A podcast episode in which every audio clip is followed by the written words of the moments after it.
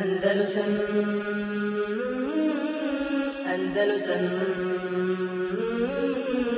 Andalusam Andalusam إن الحمد لله نحمده ونستعينه ونستغفره ونعوذ بالله من شرور أنفسنا ومن سيئات أعمالنا. من يهده الله فلا مضل له ومن يضلل فلا هادي له. وأشهد أن لا إله إلا الله وحده لا شريك له. وأشهد أن محمدا عبده ورسوله صلى الله عليه وعلى آله وأصحابه ومن تبعهم بإحسان إلى يوم الدين. أما بعد. Mi smo iz uh, Umdetu Ahkama još uvijek u poglavlju, odnosno u Kitabu Hadž, knjizi o Hadžu. Uh, dolazi nam na redu poglavlje Babu Duhuli Mekke od Bejt. Poglavlje o ulasku u Meku i Harem. Pa ćemo krenuti redom koliko uzmemo hadisa. Uh, prvi hadis, 217. po redu. عن انس بن مالك رضي الله عنه ان رسول الله صلى الله عليه وسلم دخل عام الفتح وعلى رأسه المغفر kaže Enes ibn Malik da je Allahu poslanik sallallahu alaihi wa sallam ušao, misli se u Meku, e, godine fetha, godine oslobođenja, osvajanja Mekke, wa ala re'sihi mighfar, a na glavi je imao šljem. Znači željezni e, štitni koji bude oko glave, koji danas poznat kao šljem. Falema neza'ahu džaja ređulun fekal. Pa kaže kada je skinuo šljem, došao mu je neki čovjek i rekao Ibn Hatalin muta'allaqun bi estari el-Ka'be kaže e, osoba, mušik po imenu Ibn Hatal, se okačio, odnosno uzeo se rukama, za prekrivač kabe. Fekale sallallahu alaihi wa sallam, pa je rekao Allahu poslanik sallallahu alaihi wa sallam, uktuluhu, ubijte ga. Hadis mu tefekun alaihi, ovo je tekst hadisa. Uh, Ibn Hatal nije poznato, razilazi se uh, autori životopisa, biografija, rade se oko toga koje je njegovo pravo ime. Neki kažu da mu ime Hilal bilo, a ima i drugih mišljenja. Onaj koji ga ubio nakon što je poslanik sallallahu alejhi naredio da ga ubio, to je bio od ashaba Ebu Barze al-Aslami. E, o čemu se radi? Radi se o tome da da je e, vjerovjesnik sallallahu alejhi ve sellem sa e, mušicima od Kureša e, da je se među njima godinama znači dešavalo se određeni vidovi e, ratova, sporova e, i naravno u njihovim, u njihovim e, grudima, u njihovim prsima e, se nagomilala mržnja prema poslaniku sallallahu alejhi ve sellem. Naravno, ka, e, naročito kad se desilo određeni ratovi gdje, gdje nekom iz porodice po- pogine neko od najmilijih, pa povećava dodatno uvećava mržnju i neprijateljstvo. E, pa kada je Allahu poslanik sallallahu alejhi ulazio u Meku, e, ušao je u Meku sa, e, sa dozom e, predostrožnosti i pozornosti. E, zato, je, znači, zato je stavio šljem na glavu. Iako je, znači, kad je došao, iako su, a, a, nakon što se desili određeni okršaji koje je vodio Halid Velid e, sa svojom konjicom protiv određenih grupa, e, znači, poslanik sellem i dao je sigurnost, dao je sigurnost stanovnicima Mekke, kada su vidjeli da je gotovo. E, I pored toga poslanik sallallahu sellem je ušao sa šljemom na glavi. A prije toga e, također poslanik ve sellem prije što ušao u Meku, pošto je znao da će biti zauzeta, osvojena, tako dalje, e, on je naglasio poimenično e, koga, koga treba ubiti. Riječ je ovdje znači, o mušicima koji su prešli, prešli granicu u neprijateljskim aktivnostima, ono što se radi protiv muslimana. Odnosno, da poslanik sallallahu alejhi ve sellem nije htio njima da pređe preko zločina koje su radili. Pa naredio da te, te spomenuo po imenima koje su osobe da budu ubijene. Među njima je bio Ibn Hatal. I čak je rekao poslanik sallallahu da budu ubijeni, pa makar se makar se uhvatili za prekrivač kabe. Prije što se desilo. I, e, znači, od imena koje je spomenuo, među njima od mušika, bio Ibn Hatal. A šta je, njegov, e, šta je njegova kratka, kratki problem, kratki zločin, problem koji je radio, a to je da je Ibn Hatal primio islam bio. Nakon što je primio islam, ubio je muslimana, pa ponovo učinio ridet otpadništvo, vratio se, vratio se kafirima, mušicima. I kada se vratio mušicima u Meku, naredio je robinjama e, da pjevaju i igraju i da se ismijavaju sa Allahovim poslanikom sallallahu alaihi wasallam.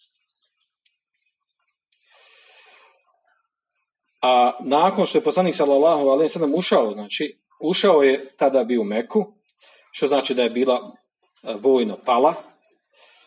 E, I onda poslanik sallallahu alaihi wasallam je dao eman, dao je sigurnost stanovnicima Mekim mušicima. E, nakon što je to uradio, skinuo je, skinuo je šljem.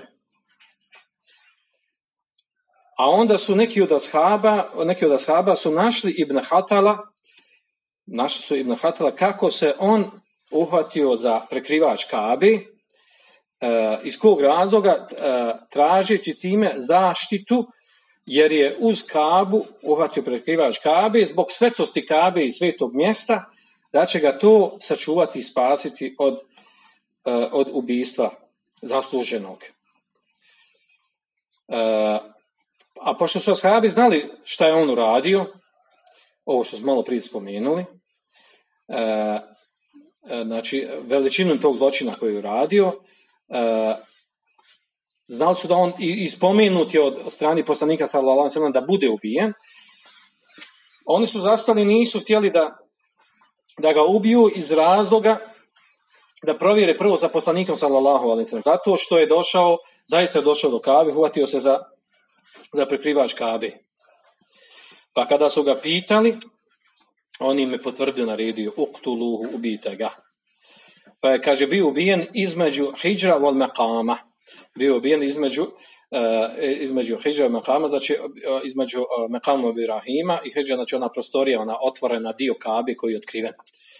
Onaj, onaj dio Kabe što, što nije na temeljima Ibrahima. Znači onaj otkriveni dio gdje se može ući u zidovima. Između toga i Mekamu Ibrahima je ubijen. Znači ovo je došlo u hadisu mu tefeku na I ovo ima iz oblasti Sirije, znači ovo ima ovaj, zanimljivo poglavlje, jel, za koga on rekao da treba biti ubijeni i e, naglasio poimenično, a neki od njih su uspjeli da se sakriju, da pobjegnu i nekima je poslije toga bilo oprašteno, primili su islam i tako dalje. Znači nisu svi bili, od onih koji su spomenuti, bili, e, bili ubijeni. Nije sproveden e, propis koji je, koji je izgovorio poslanik sallallahu Uglavnom ovaj hadis, ovaj hadis sa njih se dokazuje prva stvar to da je dozvoljeno ući u Meku bez ihrama.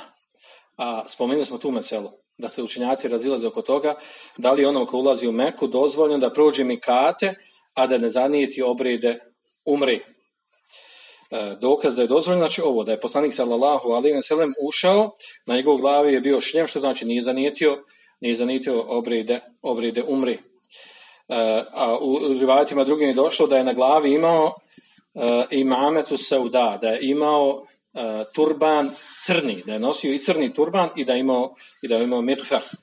Jednom ovo, jednom u vjerodostom hadisku u, u muslimom sahihu je došlo da je nosio i, i crni turban na glavi.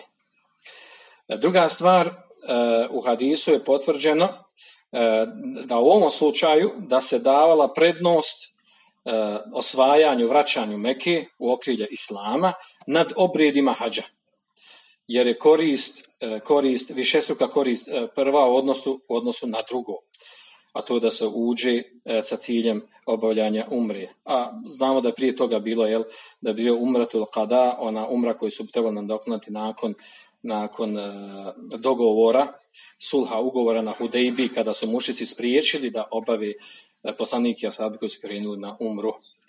E, također Hadisu dokazuje da je Meka osvojena oružjem. A, govorili smo prošli, e, jedno od prošlih predavanja da oko toga e, imamo, ima razilaže među učenjacima. Tri mezeba su na stavu, odnosno Hanefije, Malikije i Hanabus na stavu da je Meka osvojena oružjem, oružanim putem, e, dok ima Šafija se zvoju kaže da je, da je Meka uzeta dogovorom, sulhom, i spomenuli smo neke od argumenta jedne i druge strane, ima to svoju posljedicu, ima svoju posljedicu razilaženja oko nekih mesela zbog toga. E,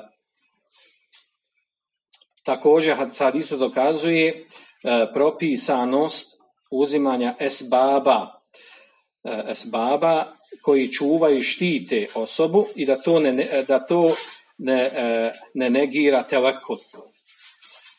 Poslanik sallallahu alejhi znači stavio je šljem na glavu sa tim da se zaštiti ako bi neko htio da mu naudi što znači da uzeo neke e, razloge, povode, sebebe da bi se, da bi se zaštitio od, od e, napada na njega. E, a, po, a uslov naravno imao te na Allaha Đelešanu, što znači onaj koji se istinski osnovni na Đelešanu, on mora uzeti i iznaći one poznate razloge povode koji vodi štiti ili vodi do cilja ostvarenja cilja i tako dalje. Kada sve to uradi, onda se treba osloniti na Allaha Đelešanu a ne a, krenuti, kao što god kaže, grlom u jagode, pa se sloniti na laži Dobro. E, također sa ovim hadisom dokazuje dozvola, iako hadis izgleda onako ovaj, ovaj, banalan, jednostavan, ula, ušao i spomenuti muši koji ga treba lubiti tako dalje, međutim vidimo koliko, koliko propisa se iz ovog hadisa izvlači. I zadnja stvar, znači peta, sa hadisom se dokazuje da je dozvoljeno e, sprovođenje šerijatskih kazni u haremu pa makar bilo ono i ubijstvo. A spomenuli smo i to oko toga da ima razilaženje učenjaka za koju osobu koja učini zločin van harema, pa traži utočište u haremu, jer je to e, zaštićeno sveto mjesto, omen dehale kana amina, ko uđe u harem, on je siguran, e, on je siguran, što znači da ga nije dozvoljeno zijet, e, ni bilo što loše uraditi.